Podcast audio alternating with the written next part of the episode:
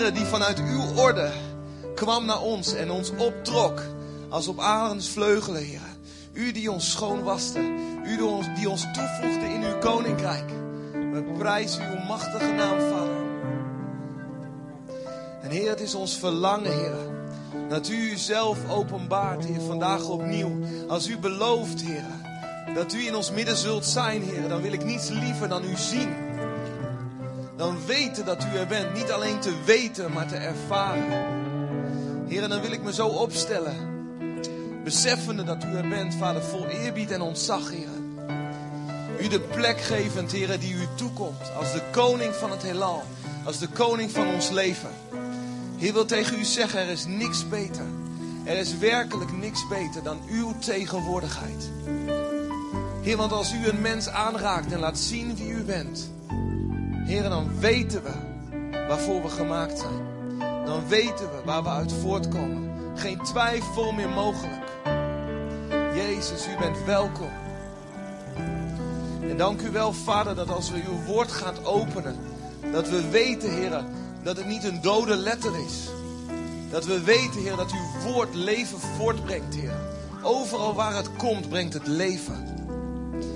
En Vader God, in Jezus' naam neem ik autoriteit, Heer, om uw woord te spreken. De autoriteit die u geeft, Vader. Heer, want niet mijn woorden hebben kracht, maar uw woorden hebben kracht.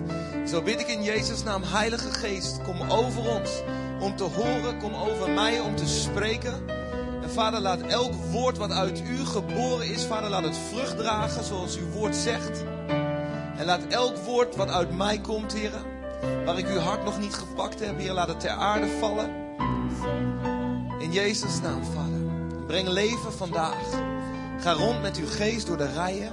En breng aan het licht wat verborgen is. Opdat u ermee kunt doen wat u wil.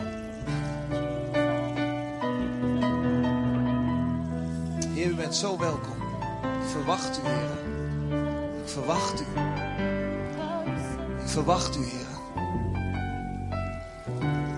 Amen. Dank jullie wel. Ik zie dat ik inmiddels een beetje verschoven ben van plek. Mag ik een van jullie standaards gebruiken?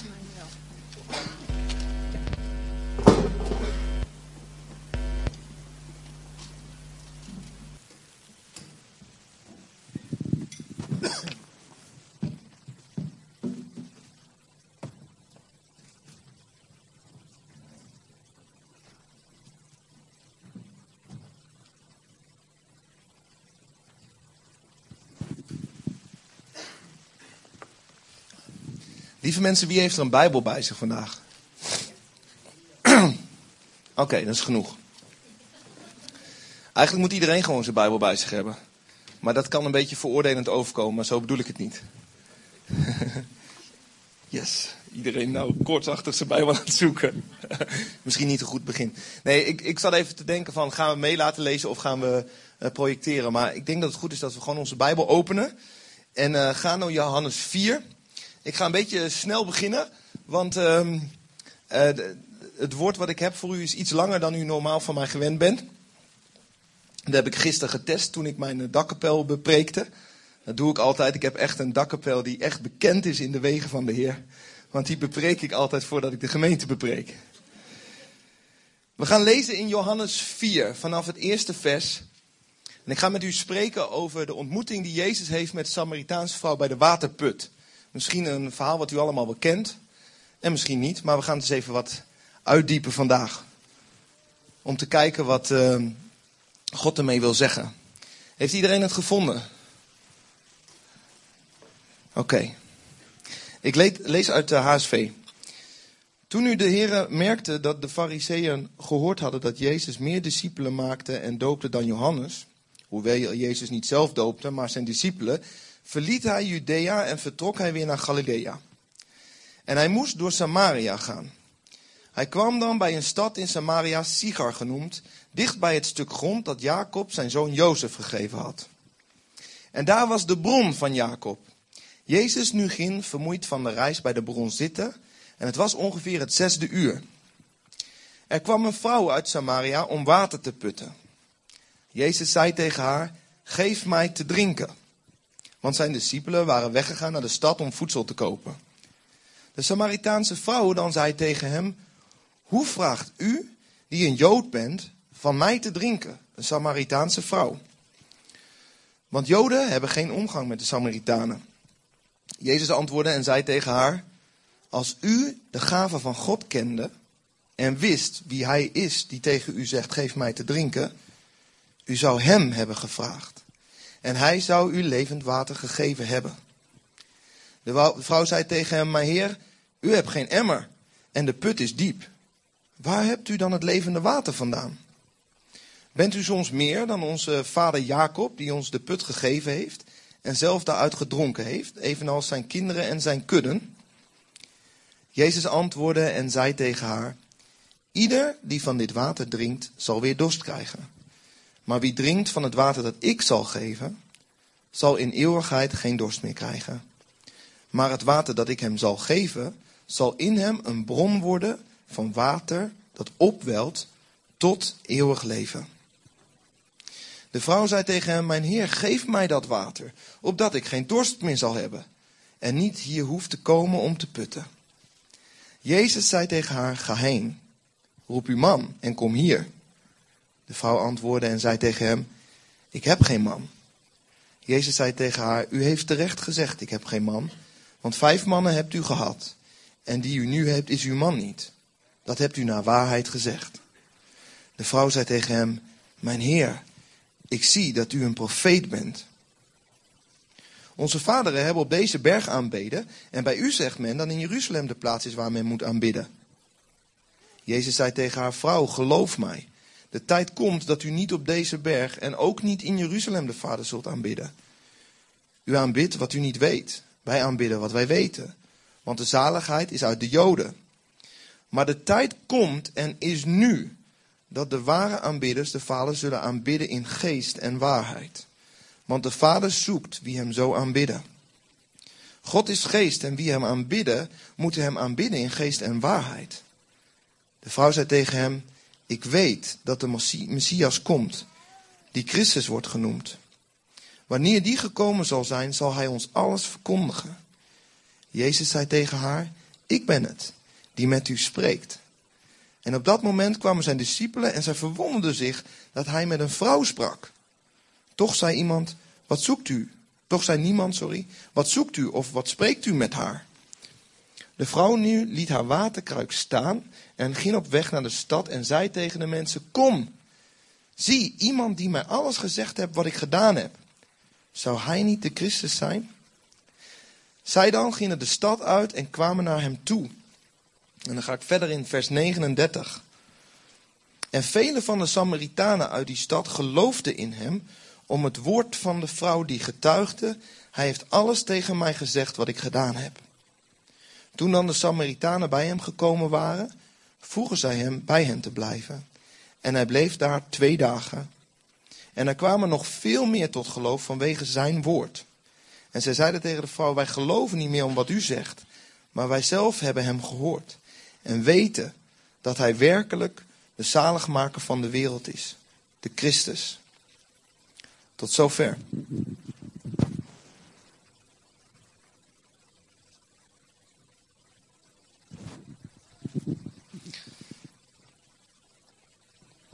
Het is een heel opmerkelijk verhaal, maar typisch een verhaal voor Jezus.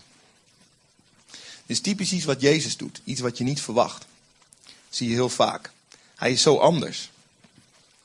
En voordat we ingaan op de vers is het goed om even wat achtergronden uh, te weten. Want je leest zo heel snel wat er allemaal gebeurt. Maar als je je werkelijk de situatie inbeeldt en even stilstaat bij wat dingen, dan is de situatie een beetje opmerkelijker dan je op het eerste gezicht ziet.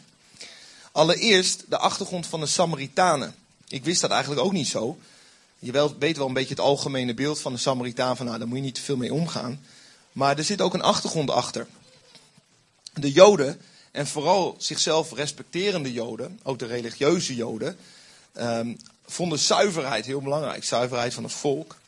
En um, de Samaritanen was een volk wat ontstaan is door de overheersing van het Assyrische Rijk. Assyrische volk. Een vreed volk wat de overheersing over Israël had gehad. En Assyriërs waren daar komen wonen om de boel een beetje in de gaten te houden. Nu waren die Assyriërs getrouwd met Joden. En uit die mix kwam het volk de Samaritanen voort. Dus in de ogen van de Joden waren de Samaritanen eigenlijk een soort verraders. Of mensen die hulden met de vijand. Mensen die eigenlijk niet meer helemaal tot hun ras behoorden, maar toch ja, beetje halfslachtig bezig waren. Dus ze werden met de nek aangekeken daarom. En dan als we even kijken naar de vrouw. Er staat dat zij komt putten en dat zij alleen komt. En als je iets verder gaat kijken, dan zie je dat ze komt putten op een uur waar je normaal niet kon putten. En je ziet dat deze vrouw niet voor niks alleen komt. normaal was het meer zo dat de vrouwen met elkaar water gingen putten. Maar deze vrouw kiest een uur waar niemand gaat putten. Deze vrouw denkt, nou laat mij maar niet gezien worden. Ze is alleen. En Jezus spreekt een vrouw alleen aan, wat ook al apart was. Daarnaast is het zo dat deze vrouw niet bekend staat om haar goede reputatie. Ze staat juist bekend als iemand van een wat mindere reputatie. En wat doet Jezus? En dat vind ik zo mooi om te zien. Jezus doet typisch iets wat bij Jezus past. Jezus is van zo'n andere orde. Jezus breekt door alle barrières heen. Kijk, hier heb je een cultuurbarrière. Man-vrouw benadering. Daar kun je er ook nog iets over zeggen. misschien is het niet altijd wijs om een, als man alleen een vrouw te benaderen. Daar kun je heel veel over zeggen, wat ook nog uh, enigszins hout snijdt. Daarnaast de Samaritanen. Weet je, dat is not done. Helemaal niet als je iemand van een beetje positie bent. Als je een beetje rechtschapen Jood bent, dan handel je ook zo. En dan ga je je niet verontreinigen met een volk wat halfslachtig is en wat dus als, als onrein beschouwd wordt. Dus je ziet, en daarbij nog, wat wij niet eens zouden weten, maar Jezus door openbaring wel wist. Jezus kende de reputatie van de vrouw al. Hoewel hij de vrouw helemaal niet kende. Want later openbaart hij gewoon wat in haar leven gebeurt. En dat vind ik zo mooi om te zien. Dat Jezus, Jezus heeft daar dus geen last van, van die barrières. Jezus komt gewoon zijn leven brengen. En hij komt gewoon je leven binnen. Waar de mensen je met de nek aankijken omdat weet ik veel wat gebeurd is. Omdat je weet ik veel wat voor een achtergrond hebt. Omdat je een, een, een andere kleur hebt of een ander accent. Of noem het maar. Alle barrières die je kan bedenken. Jezus komt er dwars doorheen. En Jezus komt brengen wat hij te brengen heeft. En je ziet de reactie van de vrouw. Die vrouw die beseft heel erg goed hoe haar situatie is. Zij komt niet voor niks op dat gekke uur water putten. Dat doe je niet voor de lol. Zij beseft heel goed en daarom zegt ze ook meteen tegen Jezus: Wat spreekt u mij aan, u die een Jood bent? Op een of andere manier was het algemeen geaccepteerd waarschijnlijk dat, dat ze nou eenmaal zo'n underdog-positie hadden als Samaritanen. Van ja, maar u bent toch een, een, een Jood, een man. Wat spreekt u mij aan? En dan in vers 10 begint de Heer Jezus te vertellen waar hij werkelijk voor komt. Voor de gave van God. Jezus antwoordde en zei tegen haar: Als u de gave van God kende en wist wie hij, wie hij is die tegen u zegt: Geef mij te drinken, u zou het hem hebben gevraagd. En hij zou u levend water gegeven hebben. Dat vind ik zo mooi dat Jezus eigenlijk breekt door al die barrières heen. Die niemand doet. En hij doet dat wel. En hij maakt dan duidelijk wat hij komt brengen. En hij zegt, weet je, als je zou beseffen de gave van God. Als je zou weten hoe groot dat is. Als je weet wat, wat ik te geven heb. Dan was jij door alle barrières heen gebroken om het mij te vragen. Dat is eigenlijk wat hij zegt tegen de vrouw. Als je dus eens wist wat ik te geven heb, dan zou je elke schaamte aan de kant leggen. Dan zou je er maling aan hebben wat de rechtschapen mensen om je heen vinden. Dan zou je zeggen, ik moet dat hebben wat u te geven heeft. Als je eens wist, de gave van God. En als je wist wie ik ben, want ik kan het je geven, zegt Jezus. Het is van zo'n andere orde dat alles wat je hier op aarde vasthoudt niet meer interessant is. En oh, hoe herkennen we dat? Weet je wel, wij, bij ons is het dan niet met Samaritanen en Joden. Maar oh, hoe, hoe herkennen we dat? Dat je in het patroon moet lopen en steek je kop niet boven het maaiveld uit, want dan wordt het erg lastig. Maar als je beseft de gave van God en als je beseft dat het Jezus is die het je kan geven, dan zou je het Hem vragen, no matter what. En het, ik vind het heel mooi om te zien, want het kan zo spiegelen. De vrouw die reageert op een manier zoals wij ook vaak zouden reageren. Als God laat zien iets van Hem, dan, dan snappen we. Zijn zo beperkt, we snappen het vaak niet. En we leggen het uit naar menselijke maatstaven. En dat doet de vrouw hier ook. De vrouw reageert. U wil mij levend water bieden. Je hebt niet eens een emmer bij je. Hoe wil je dat nou doen dan? Ik sta hier bij een put. Ik heb de emmer. Het ding is vrij diep. Ik heb het opgezocht. 65 meter diep is die put. En Jezus spreekt over levend water. En het intrigeert daar natuurlijk. Want Jezus spreekt met gezag. Maar toch kan ze het niet plaatsen. Zegt, ja, je, je hebt geen emmer. Hoe ga je me nou levend water geven? En de put van Jacob, deze put, was een put die eh, gemaakt was om water vast te houden. Dus regenwater. Het was geen bron. Het was een put. En een diepe put. Want veel droogte daar, diepe put, houdt een beetje water vast. En ik zie dat als een beeld van ehm, het Oude Testament. Je ziet hier dat Jezus laat zien wat hij komt doen op aarde. Maar ze leven nog in de tijd van het Oude Testament. En dat is de tijd dat God regen geeft. God vanuit zijn hoogverheven plaats geeft regen op aarde. En je ziet wat er gebeurt als het volk God verlaat. Dan zegt God telkens: Ik weerhoud de regen van je. Er zijn meerdere plekken, kun je dat lezen. God zegt: Ik weerhoud de regen. En deze put, die is om regen vast te houden. Die is om regen vast te houden die God geeft. Maar het moet weer wachten tot God weer regen geeft. In Jeremia 2, vers 13 staat: Want mijn volk heeft een dubbel kwaad gedaan. Mij, de bron van levend water, hebben zij verlaten. Om zich bakken uit te hakken, lekkende bakken, die geen water kunnen vasthouden. Jezus komt hier op de scheidslijn tussen het water wat van God komt in het oude verbond en wat vastgehouden kan worden in een put. En waarbij als je God verlaat, het water je weglekt en het leven je weglekt. En Jezus zegt, ik ben gekomen om dat nieuwe verbond te brengen. Namelijk dat God niet zegt van dat is mijn orde en jij moet wachten tot er weer regen is. Maar God zegt, ik wil in jou een bron tot eeuwig leven worden. Kortom, ik maak het in orde met de mens en ik word in de mens een bron. Kortom, ik trek de mens op tot mijn orde. En dat is de scheidslijn wat je hier ziet. In vers 12 gaat de, vrouw, gaat de vrouw verder. Bent u soms meer dan onze vader Jacob, die ons de put gegeven heeft en zelf daaruit gedronken heeft, evenals zijn kinderen en zijn kudde? Het mooi om te zien? Deze vrouw is uit een onrein volk. Uit een halfslachtig volk, gehuld met de vijand. Maar zij beseft haar roots. Ze is geboren uit de lijn van God. De lijn van Abraham, Isaac en Jacob. Maar ze heeft overspel gepleegd alleen al in haar volk. Het volk heeft al gehuld met een ander volk. Een volk wat God niet dient. En haar eigen leven is een leven van een reputatie die je niet zou wensen. Welkom.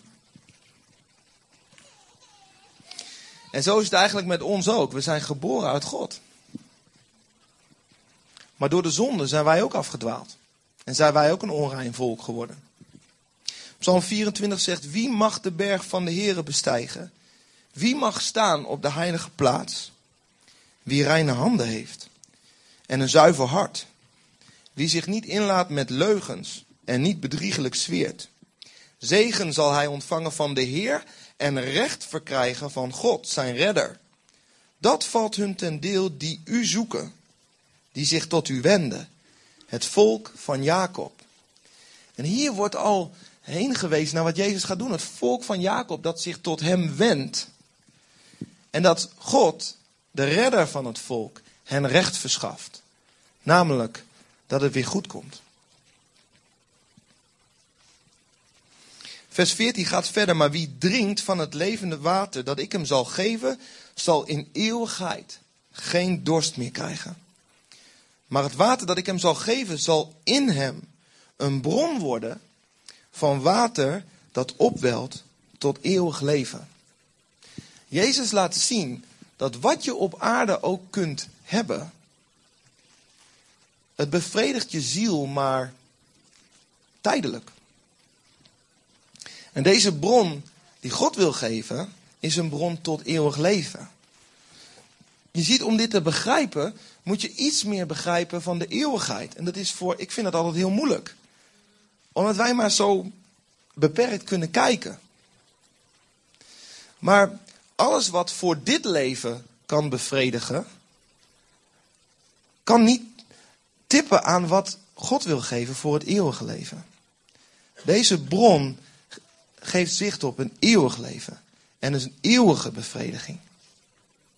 Daarom begint Jezus ook als je wist wat de gave van God was. Als je dat eens wist. Als je zou kunnen kijken iets verder dan je eigen leven. Als je zou kunnen kijken in mijn koninkrijk en de plannen die ik heb. Dan zou je mij vragen. Johannes 7 zegt, als iemand dorst heeft, laat hij tot mij komen en laat hij drinken. Wie in mij gelooft, zoals de schrift zegt. Stromen van levend water zullen uit zijn binnenste vloeien.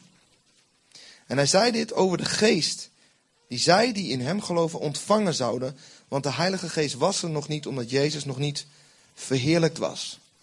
Deze bron gaat natuurlijk over de Heilige Geest. Jezus die gekomen is. En die als teken van zijn verbond en als onderpand ons de Heilige Geest naliet.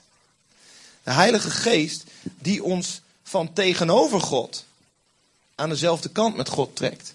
En zegt, ik woon in jou en ik ben de bron tot eeuwig leven. Zie je dat er staat de bron tot eeuwig leven? Dus dit de bron die bewerkt dat er eeuwig leven zal komen. Dat is dus niet statisch. Dat is niet iets wat alleen in jouw leven gebeurt. Nee, God betrekt jou in zijn werk. Daarom vormt hij in jou een bron tot eeuwig leven.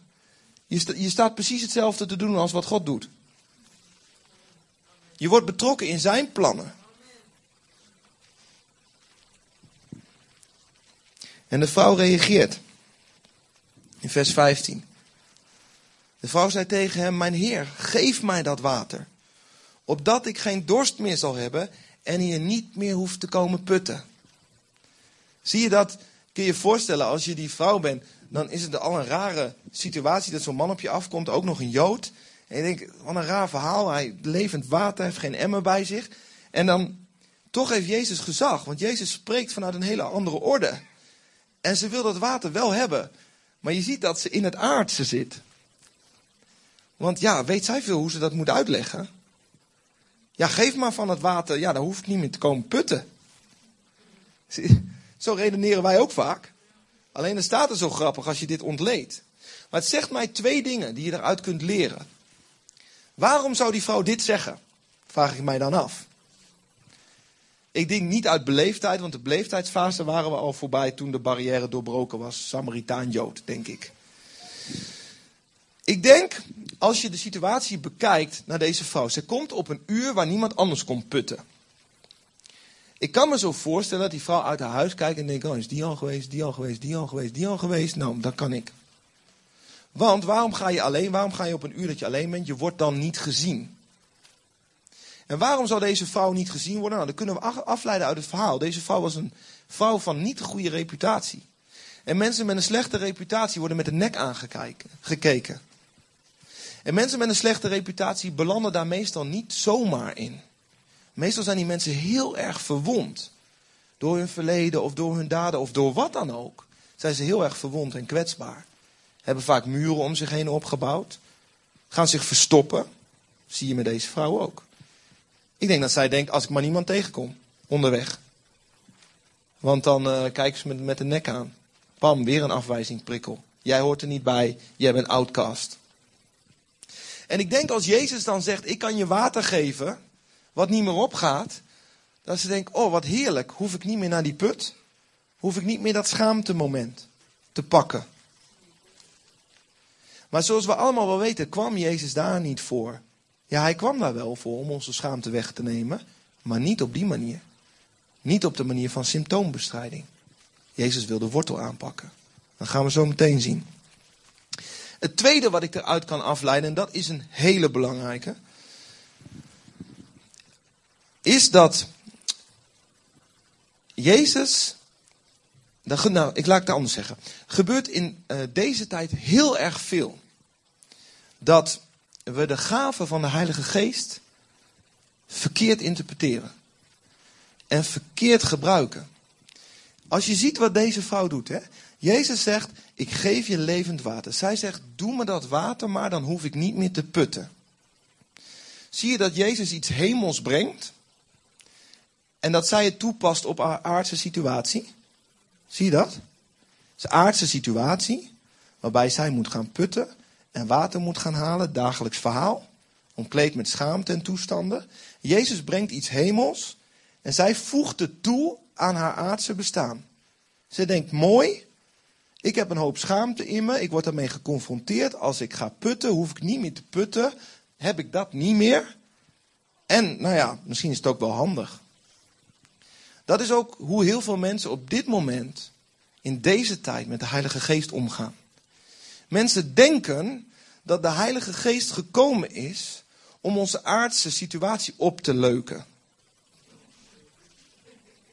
Mensen denken dat de Heilige Geest gekomen is om onze aardse situatie beter te maken.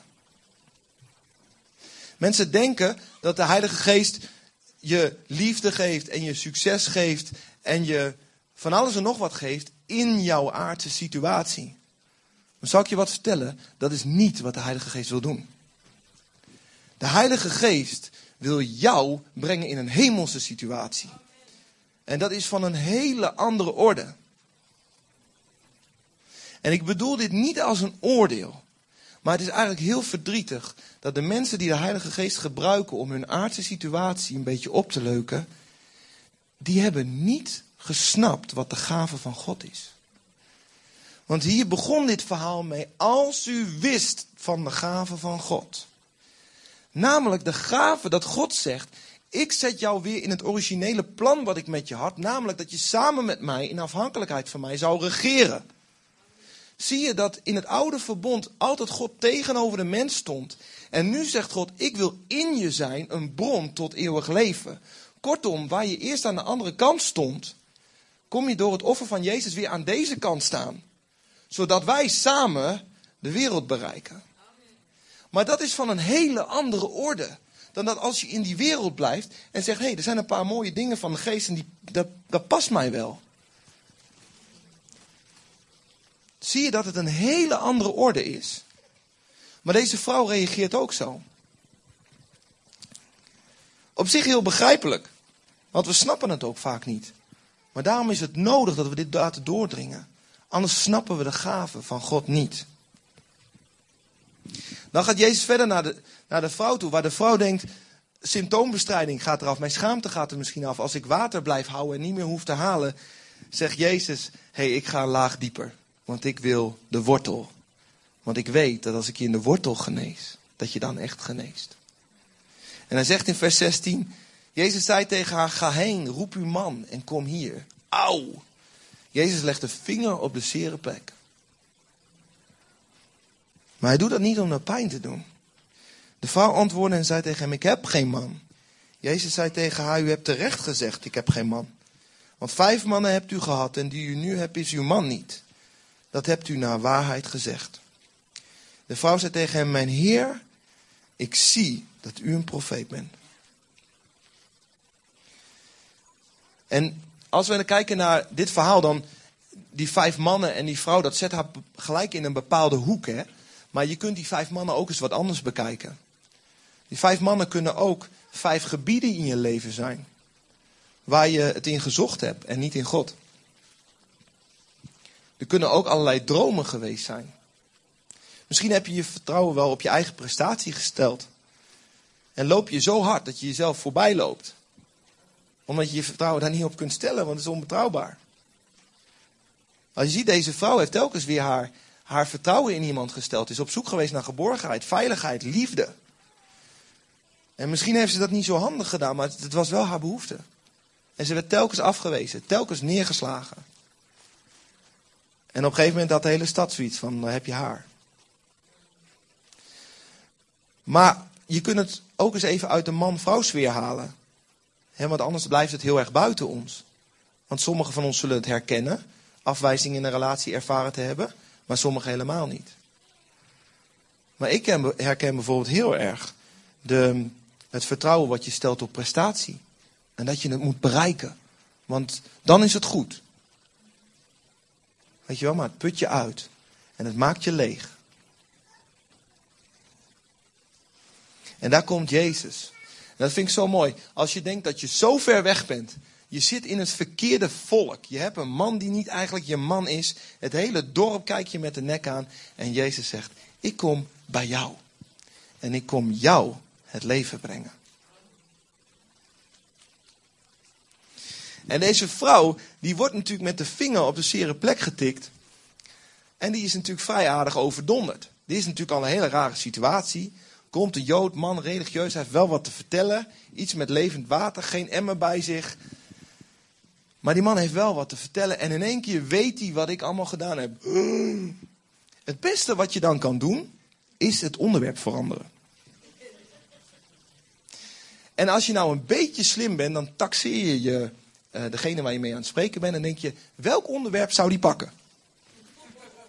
En aangezien Jezus natuurlijk door haar aangezien wordt als iemand die religieus wel wat te vertellen heeft, pakt zij het volgende onderwerp. Vers 20. Onze vaderen hebben op deze berg aanbeden. En bij u zegt men dat in Jeruzalem de plaats is waar men moet aanbidden. Geweldige discussie religieus in die tijd. Waar moet je nou aanbidden?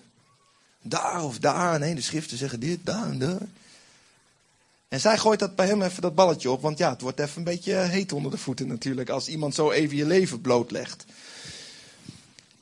En ik vond daarin eigenlijk de parallel naar ons leven.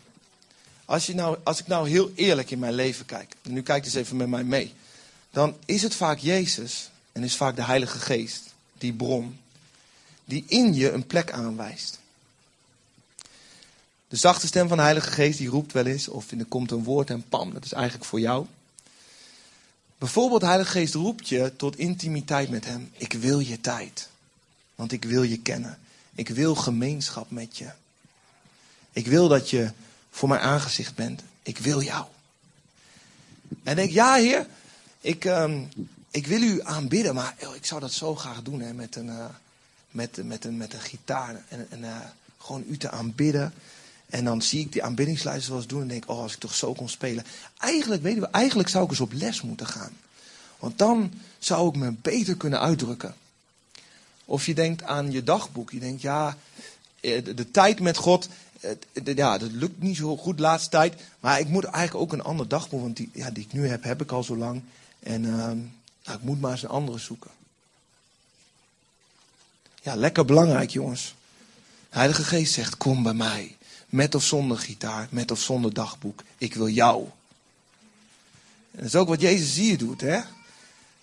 Jezus die prikt door bij de vrouw. En de vrouw werpt een, een excuusverhaal op, om even de, het af te leiden. Heel erg logisch. Logische reactie. Maar we moeten hem wel onderkennen.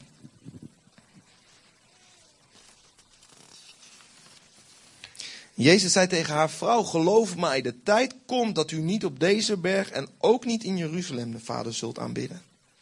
U aanbidt wat u niet weet. Wij aanbidden wat wij weten, want de zaligheid is uit de Joden. Maar de tijd komt en is nu dat de ware aanbidders de Vader zullen aanbidden in geest en waarheid. Want de Vader zoekt wie hem zo aanbidden. God is geest en wie hem aanbidden, moeten hem aanbidden in geest en waarheid. Dus laat eens even los je vorm.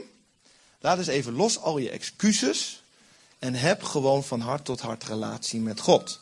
En wat is dan aanbidden in waarheid? Hè? Ik, ik dacht er thuis over na. Ik denk, nou, dat is gewoon komen zoals je bent. En ik dacht, hoe, dat is gevaarlijk. Want er lopen heel veel mensen rond deze tijd. Zeg, nou, ik, uh, ik ben zo. Dus uh, ik doe dat uh, zo. Ja? Daar heb jij niks mee te maken. Ik, ik doe dat zo. Want ik, ik ben zo. En we moeten onszelf zijn. En ik moet me gewoon kunnen ontplooien zoals ik ben. En dus dat doe ik zo. Wil je er even niet mee bemoeien? Nou, dat is je ego in stand houden. En als we leren van de Heer Jezus, is dat we die ego juist moeten opofferen, zodat Hij zijn werk in ons kan gaan doen. Dus dat is niet in waarheid aanbidden. Dat is niet gewoon zoals je bent. Ik denk in waarheid aanbidden is erkennen zoals jij bent in Gods licht. Weet je, want als Gods licht op je schijnt, ik heb dan altijd heel veel minder babbels in één keer. Als God licht op mij schijnt, denk ik, ja Heer, hier zit die plek. En daar was dat woord. U heeft mij een mond gegeven om goed te spreken. Maar dat woord is ijdel gebruikt. Of niet gebruikt. Of gebruikt om af te breken. Ja Heer, en hier zit een stuk onreinheid. Jezus, dank u wel dat ik toch nog bij u mag komen. Ondanks alles wat zichtbaar is in uw licht. Dat ik toch nog mag komen door uw bloed. En dan welt er een bron van dankbaarheid in je op. En een bron van ware aanbidding. Die zegt, Jezus, dank u wel. Ik zelf had het nooit gered. Maar door uw bloed mag ik toch komen. Ik aanbid u. U bent van een hele andere orde dan ik. En dan kom je in de juiste verhouding tot God. En ik denk dat als je het hebt over aanbidden in waarheid, dat het daar te maken mee heeft. Dat je durft te zijn wie je echt bent in Gods licht. En dan staat het aanbidden in geest. Nou, Jezus laat natuurlijk zien waar hij voor gekomen is. Niet alleen maar de geest op een paar mensen, zoals in het Oude Testament, maar de geest werd aan iedereen gegeven die Jezus zou gaan erkennen als verlosser en Heer. En Romeinen 5 zegt, en de hoop beschaamt niet omdat de liefde van God in onze harten uitgestort is door de Heilige Geest die ons gegeven is. Dus er al een bron van liefde in je hart als je gaat aanbidden. Heer, dank u voor uw grote liefde. Ik geef liefde terug. Dat is wat er gebeurt. Johannes 14, maar de trooster, de Heilige Geest, die de Vader zenden zal in mijn naam, die zal u in alles onderwijzen en u in herinnering brengen wat ik u gezegd heb. Dus ook als je God aan het aanbidden bent en je hebt het woord gelezen wat Jezus gezegd hebt en je zoekt woorden, dan brengt Hij het te binnen. Hij is erbij. Hij komt in je aanbidding. Romeinen 8. En evenzo komt ook de geest onze zwakheden te hulp.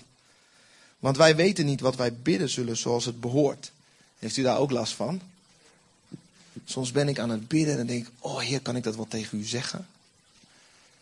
En soms ben ik ook maar gewoon verklaringen aan het zoeken voor wat ik zie, wat ik gewoon niet duiden kan. Geen idee werkelijk. En dan is het zo heerlijk te weten dat de Heilige Geest Bid en pleit voor ons. Want het staat hier. De geest zelf echter pleit voor ons met onuitsprekelijke verzuchtingen. Dat vind ik zo heerlijk, hè? Ik zie me dat zo voor me. Als ik dan sta te praten, soms vanuit mijn frustratie of mijn onbegrip of onvermogen. Of dat ik gewoon eigenlijk als zeuren ben als een klein kind. En dan is de Heilige Geest daar. De Heilige Geest die zegt, Heere, zie zijn hart. Hij, hier, hier dient hij u. Maar u ziet, hij is het aan het uitleggen voor mij. Hij is het aan het uitleggen voor mij. En dat wil niet zeggen dat ik niet nooit gecorrigeerd word, hè, pas op. Want ik word wel gecorrigeerd, graag zelfs door de Heilige Geest. Maar dat is wat de Heilige Geest doet, in geest en waarheid aanbidden. Dan kom je in lijn met wat God zegt. In vers 39 gaat het verder over de Samaritanen. Dat vind ik heel mooi om te zien. Gelijk is daar vrucht. Als Jezus binnenkomt met zijn levende water, gebeurt er wat. Dat vind ik zo gaaf om te zien. De situatie blijft nooit onveranderd. Komt altijd leven in. Vers 39. En vele van de Samaritanen uit de stad geloofden in hem om het woord van de vrouw die getuigde. Hij heeft alles tegen mij gezegd wat ik gedaan heb. Wat een ommekeer. Zie je dat die bron al begint te werken? Die bron tot eeuwig leven, die hij in haar wilde plaatsen. Deze vrouw wordt de, hele stad met de nek aangekeken. Ze wacht tot het hele spul waarschijnlijk plat ligt om even een siesta te houden op de van de dag. En dan gaat ze alleen naar de put. Die vrouw werd met de nek aangekeken, vijf mannen gehad, foute reputatie. En nu komt die vrouw terug, die stad in, waar iedereen liefst even zijn hoofd omdraait als zij, als zij komt, zo stel ik me dat voor. En ze vertelt wat Jezus gedaan heeft en ze geloven haar. Toen dan de Samaritanen bij hem gekomen waren, dus dat is het effect. De Samaritanen denken, hé, hey, dit, is, dit is anders. Ik, wij moeten naar die gozer toe. Wij moeten naar die Heer Jezus toe, waar jij van spreekt. Want dit woord heeft leven in zich. Vroegen zij hem bij hen te blijven. En hij, dat is Heer Jezus, bleef daar twee dagen. En er kwamen nog veel meer tot geloof vanwege zijn woord. Zie je dat als je echt open en eerlijk het getuigenis van Jezus brengt, dat je Hem brengt. En dat je honger aanwakkert naar Hem. En dat Hij dan komt en dat Hij dan blijft. Dat is wat hier staat. Het is juist zo krachtig, het getuigenis. Dat je beseft, ik ben vanuit een reddeloze situatie naar het licht gebracht. En ik vertel het. Zie je dat ze in één keer haar schroom kwijt is? Ze vertelt het. Want ze heeft iets geproefd van de gave van God. Die is zo belangrijk dat je schaamte gaat weg. Want je, de gave is meer waard dan de schaamte of dan de nare blikken. Het gaat door de barrières heen. Geweldig om te zien. En nu het levende water voor ons in deze tijd. Ik wil heel duidelijk zeggen, en hebben we er straks ook al even gedaan, hè, toen de vrouw de geest probeerde, of het levende water probeerde in te voegen in haar aardse bestaan. Dat is het niet, daar hebben we het net over gehad. Daarnaast zie je in deze tijd dat als de tegenwoordigheid van God er is, er soms uitingen zijn, manifestaties zijn, wat geweldig is. Want als Gods kracht er is, vind ik het ook heerlijk om het ook te zien. Maar er zijn sommige mensen die zich laten afleiden en die gaan voor de kick. Die gaan voor het moment. Die behandelen de Heilige Geest als een kroket die je uit de muur trekt. En één ding, dat is hij niet. Jezus zei ook niet tegen de vrouw: Hier heb je een bak water die je helemaal verfrist. Zei hij ook niet. Hij zei: ik wil in je een bron vormen die opwelt tot eeuwig leven. Dat is wat hij zei. Hij zei dus niet, jij hebt een emmertje of een glas die je even dorst geeft. Ik geef je een bak water, waardoor je helemaal verfrist en wauw, lekker verfrist bent in het woestijn. Dat zei hij niet. Dat zei hij niet.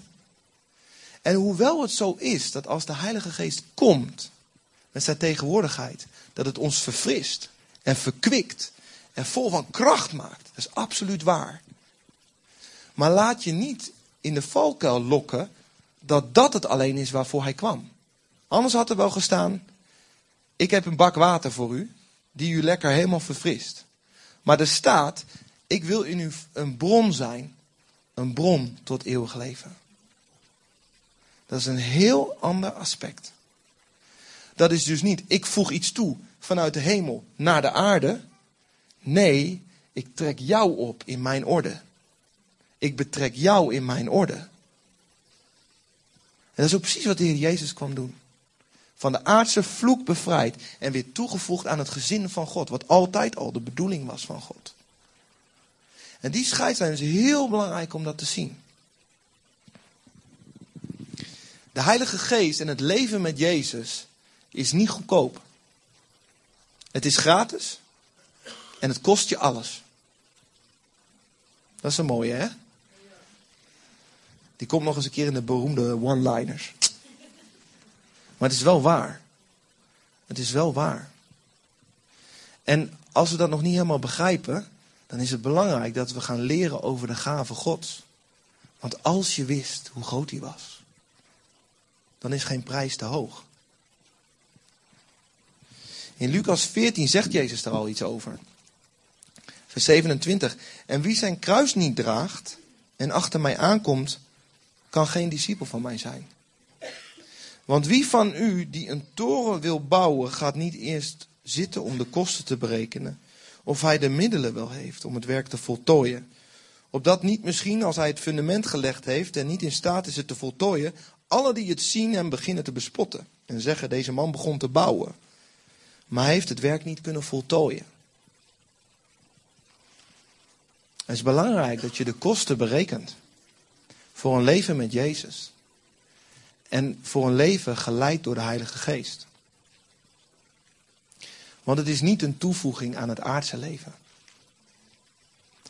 Is jij die betrokken wordt in het hemelse koninkrijk. Het koninkrijk van God. Dit is best heel lastig te begrijpen. Ik worstelde er wel mee in de, in de voorbereiding. Want het is van een hele andere orde. De Heilige Geest moet echt onze ogen openen om te zien hoe het zit. Probeer het zo te verwoorden. Het leven met Jezus brengt je alles van zijn leven. Maar kost je alles van jouw leven. Geleid worden door de Heilige Geest betekent dat Hij de leiding heeft en niet jij.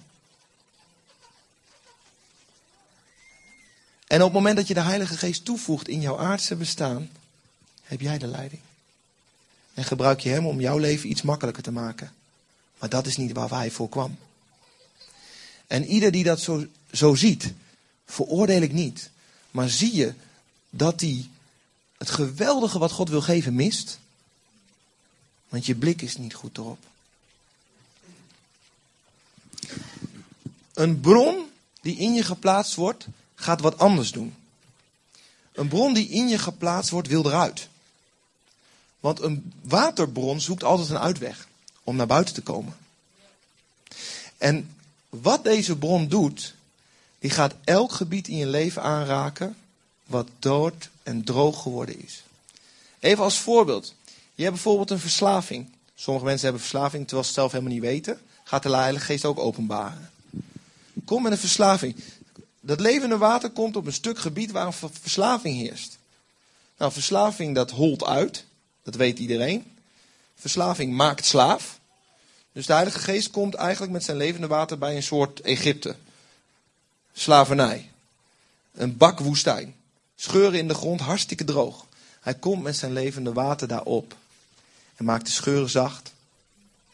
Maakt de grond weer vruchtbaar. En geeft bloei. Het enige ding wat nodig is, is dat jij je onderwerpt aan de, aan de leiding van de Heilige Geest. Want de Heilige Geest kan dat gebied aanraken. Jij kan zeggen, ja, maar dat gebied is van mij. Dat mag u niet hebben. Dat mag u niet hebben. Heb ik heel lang gedaan met mijn rookverslaving. Tot ik elke ochtend begon te pleiten voor Gods troon. Ik kan er niet meer tegen. Dit is niet zoals u het wil. En het ergste wat ik vind, Vader God, is dat ik elke keer terugval als ik stop. En dat ik weer de loser ben die het niet aan kan. Heren, ik vind het nog erger om terug te vallen dan ik het vind om te roken. En elke ochtend heb ik gepleit, Heren, u weet. Heren, en ik, ik beleid het dat mijn situatie zo is. Maar u zegt in uw woord dat u het willen en het werk in mij bewerkt. Heer, wil u het doen? En Jeroen is er getuige van. We hebben gebeden en God heeft mij genezen na 18 jaar. Gewoon bam, in één keer. Ik heb nooit meer gerookt. Hoewel ik al 26 keer gestopt was. Verschrikkelijk. Maar dat is wat God kan doen. Maar je moet je wel onderwerpen. Als je je niet onderwerpt, dan stopt het werk van de geest daar. Als jij je woestijn wil behouden, weet je, de, de wil van de mens is sterk. God heeft ons een wil gegeven. En hij gaat daar, ehm, hij, hij, hij manipuleert ons wel, of hoe moet ik dat zeggen? Hij beïnvloedt ons wel, maar hij breekt niet dwars onze wil heen. En die stroom die zoekt meer uitwegen en die gaat langs elk dood en doorgebied. En het kunnen gebieden van zonde zijn, het kunnen gebieden van onreinheid zijn, maar ook gebieden van verdriet, van teleurstelling. Van dromen die dood zijn gegaan. Van leugens die je bent gaan geloven en die zo geworteld zijn in je denken, dat je er helemaal naar handelt. Maar deze vrouw ook, vijf mannen gehad. Die vrouw die moet toch desperate zijn voor liefde en voor veiligheid. Dat ze in, in, waarschijnlijk in haar selectie van een man zo niet zo handig oordeelt. Dat ze denkt, als ik maar weer die liefde heb. Het is zo herkenbaar wat er gebeurt. De Heilige Geest wil elk doodgebied in je leven aanraken. Dat is wat de Heilige Geest wil doen. Maar het kost je wel je leven. Dus ik zie wat er in mijn leven al aan is gegaan, jongen. Aan mijn reputatie, aan mijn eigen, eigen kracht. Aan wat ik belangrijk vond. Het is zo ontzettend veranderd. Maar je moet wel een zacht hart hebben voor de Heilige Geest. Want dan kan Hij in jou een bron zijn. Dan kan het naar buiten. Het wordt geen poel, want een poel wordt doodwater. Dat weten we allemaal. Water moet blijven stromen. Dus uitdelen daarvan. En je kunt alleen heel goed uitdelen op de gebieden waar God je genezen heeft. En God gebruikt juist vaak als je verwond bent en hij heeft je genezen om het tot genezing voor anderen te geven. Dus onderwerp je gebieden aan God, zodat hij ze kan laten bloeien. Jesaja 41 zegt, ik zal op de kale hoogte rivieren doen omspringen, midden in valleien, bronnen. Ik zal de woestijn maken tot een waterpoel, het dorre land tot waterbronnen. En dat is zo gaaf. Je bent nooit te ver weg. Juist het dorre land. Juist wat dood is gegaan. Juist wat kapot is gegaan. Deze vrouw ook. Doel, menselijke wijs zouden we haar nooit als eerste aanwijzen om Jezus te ontmoeten. In die hele stad was het nog helemaal niet gepreekt. Maar die vrouw zei, je bent nooit te ver weg, want Jezus breekt door de barrières heen. Maar de vraag is wel hoe jij erop reageert. Of jouw hart zacht is. Of de Heilige Geest een bron mag worden op elk gebied in je leven. Hoe krijg ik dit levende water? Erg belangrijke vraag. Nou, als je kijkt in dit verhaal, zegt Jezus, als je de gave van God zou kennen en als je mij zou kennen, dan zou je het mij vragen. Dus simpele antwoord is eigenlijk vragen. Lucas 11 zegt, en daar heb, daar, in Lucas 11 wordt de, de, de, gelijkenis gegeven dat als je als, als, als vader, eh, als je zoon je een vis vraagt, dat je geen slang geeft. Als je zoon je een brood vraagt, dat je geen steen geeft. En dan zegt Jezus, als jullie, hoewel je slecht bent als mens, al goede dingen geeft, hoeveel te meer zal mijn hemelse vader zijn geest geven aan wie hem daarom bidden. Dus Jezus maakt die vergelijking waardoor we zeker kunnen rekenen op als we vragen en bidden dat Hij ons zal geven van zijn geest. Daarnaast zegt Jezus heel vaak dat je dorst moet hebben. Want weet je, als je niet dorst naar het hemelse koninkrijk, als je het wel best vindt op aarde, wat ga je dan doen als de Heilige Geest komt? Denk je, ja, nou mooi hier op aarde, voegen we dat toe, nog fijner. Dat is wat gebeurt. Maar als je dorst naar de gerechtigheid van God, als je dorst naar het koninkrijk van God, dan krijg je van hem te drinken aan hemels. Hele andere orde. Niet te vergelijken. Hele andere doelen ook. Dorst. Jezus zegt Johannes 7, indien iemand dorst heeft, hij komen tot mij en drinken. En dat kun je merken. Je kunt het merken als mensen aan de voeten van Jezus zitten. Als mensen drinken bij Jezus, dan ga je dat merken, want ze gaan stromen. Je merkt het gewoon. En je merkt het ook als mensen dat een tijd niet hebben gedaan en toch moeten uitdelen. Dat merk je ook. Dan zie je dat er een woord is wat niet meer vers is en wat niet meer nieuw is. Psalm 63, vers 2 zegt: O God, u bent mijn God. U zoek ik vroeg in de morgen. Mijn ziel dorst naar u. Mijn lichaam verlangt naar u in een land door en dorstig zonder water. Als ik dit lees, dan denk ik: Oh, Vader God, Kom met uw geest, want ons land heeft zo'n dorst. Ons land heeft het zo nodig dat Jezus komt met zijn leven. Als je om je heen kijkt, wat een puinhopen. Wat een leed. Wat een verdriet. Als ik in mijn eigen hart kijk, denk wat een ellende zit er soms in. Wat een reacties. Wat een liefdeloosheid. Heer, ik heb zo nodig dat die bron van u gaat stromen. Want als het niet gebeurt, dan komt het niet goed. En ook in dit land, we hebben het zo nodig. Dat God komt met zijn geest. De mensen wijken allemaal uit naar alternatieve geneeswijzen. En van die kwakzalvers die met allerlei demonische toestanden mensen manipuleren. Terwijl onze God is de enige levende God. Ik zeg, heren, laat het weer zijn de tijden dat Filippus Simon de tovenaar in zijn hemd zet. Omdat hij gewoon niet naar God verlangt. Laat de tijden er weer zijn dat de mannen van God opstaan. Weet je? Maar het kost je alles. Want we kijken altijd naar handelingen en naar wat er gebeurt met de apostelen. En dat is wat we graag willen. Maar het kostte hun alles. Ze werden uitgekotst door de samenleving. Gestenigd, weet ik veel wat. Je kunt het allemaal lezen. Het kost je alles hier op aarde. Maar je krijgt een veel groter perspectief van de eeuwigheid. Als we dat zien, dan snappen we iets van de gave van God. Ze bidden. Vader God, Heer, ik verlang zo naar, Heer, dat u ons een blik geeft, Heer, in, in de eeuwigheid. Dat u ons een stukje laat zien, Heer, van wat u bedoeld had. Dat u ons een stukje laat zien dat, dat wat verder gaat, Heer, dan onze beperkte blik van deze aarde. Heer, u ziet dat we gewoon soms zo worstelen om het te begrijpen, Heer, omdat we zo beperkt kunnen kijken. Lieve Heilige Geest, dank u wel dat u gekomen bent om een bron in ons te zijn. En dank u wel, Vader, dat we met open mond staan te kijken soms wat u doet. Heer, totaal onverwacht.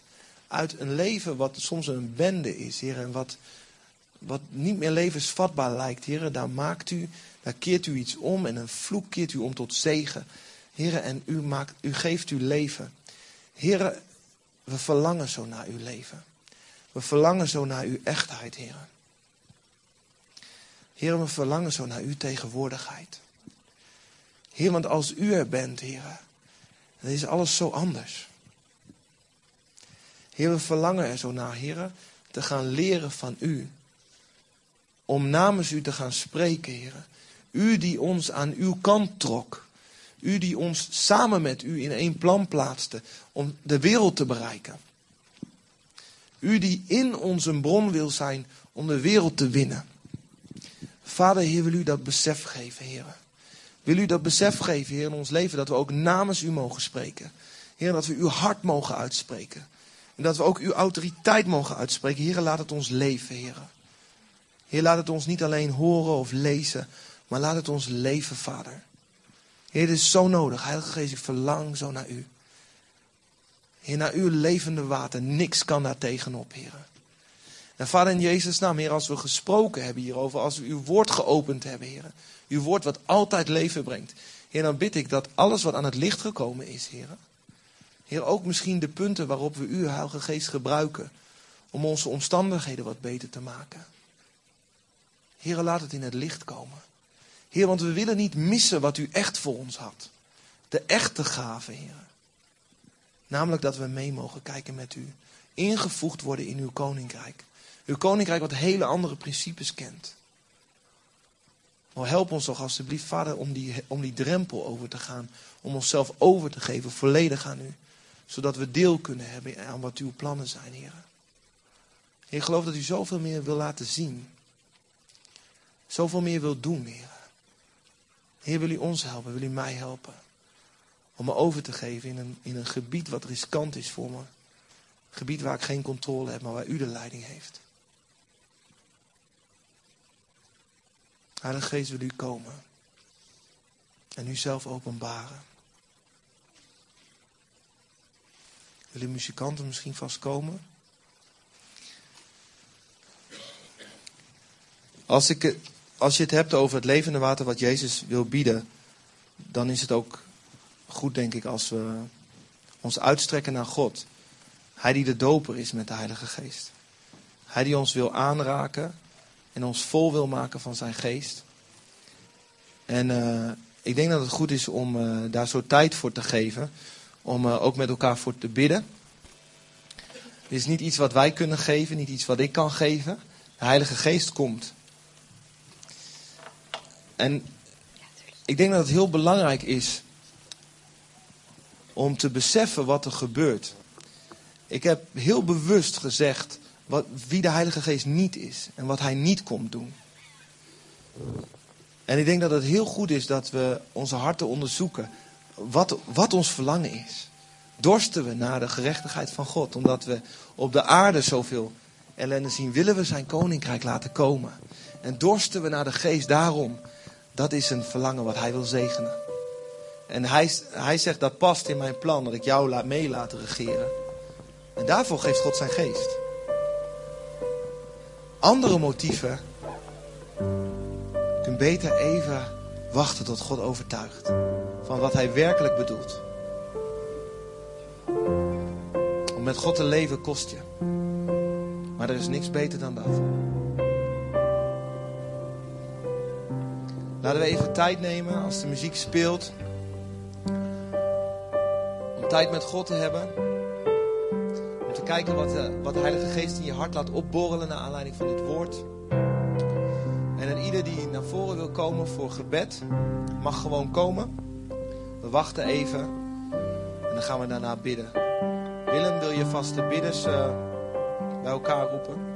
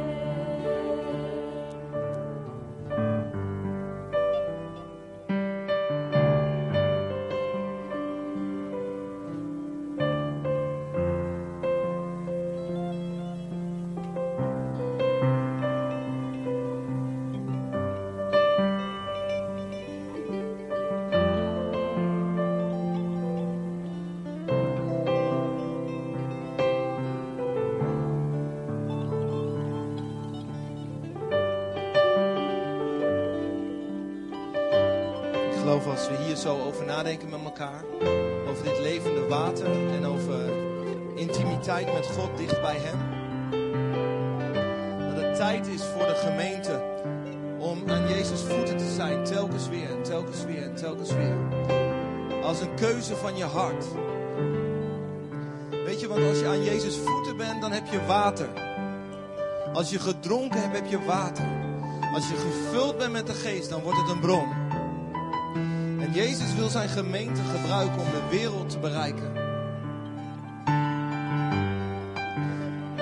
En hoe meer de gemeente beseft wat het is om te drinken bij Jezus. En om de bron te kennen waaruit je uitdeelt.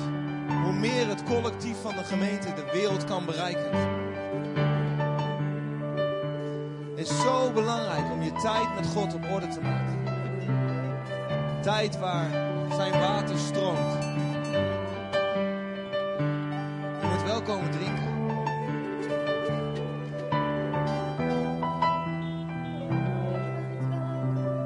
En vader, ik bid in Jezus' naam, vader, voor elke situatie. Heer, waar nog geen dorst en honger naar u is, vader. Heer, wil u dichterbij komen om te laten zien wie u werkelijk bent. Ik bid in Jezus' naam, vader, voor elke persoon, Vader, die eigenlijk niet zo beseft de gave van u, Heer. En ik bid ook voor mezelf dat ik dat meer ga begrijpen, Heer. Hoe groot en hoe rijk het is en hoe u ons in wil zetten in uw plan, Heer. Mag dat besef landen, Heer, opdat we gaan dorsten, opdat we gaan hongeren naar u, Heer. Ik bid, Heer Jezus, dat u echt plekken naar boven gaat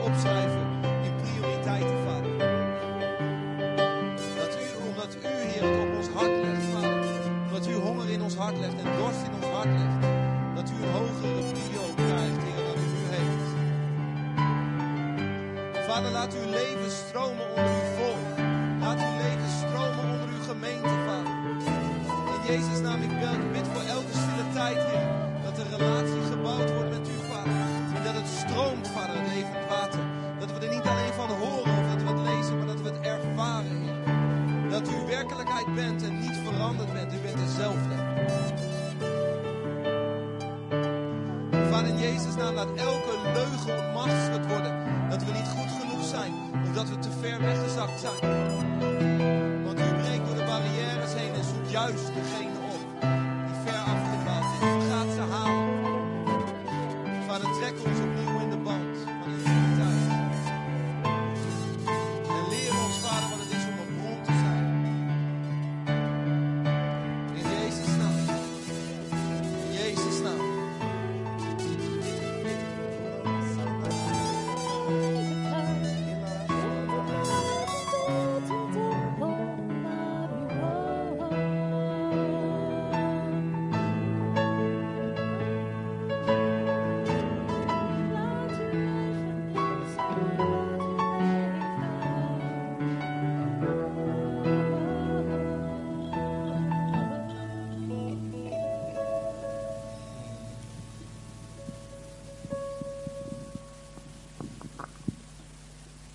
Terwijl hier nog verder gebeden wordt,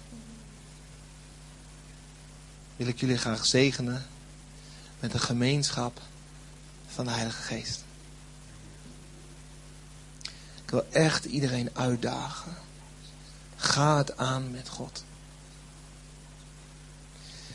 En rust niet voordat je het hebt.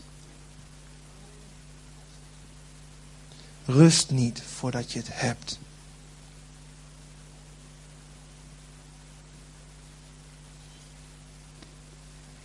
Amen.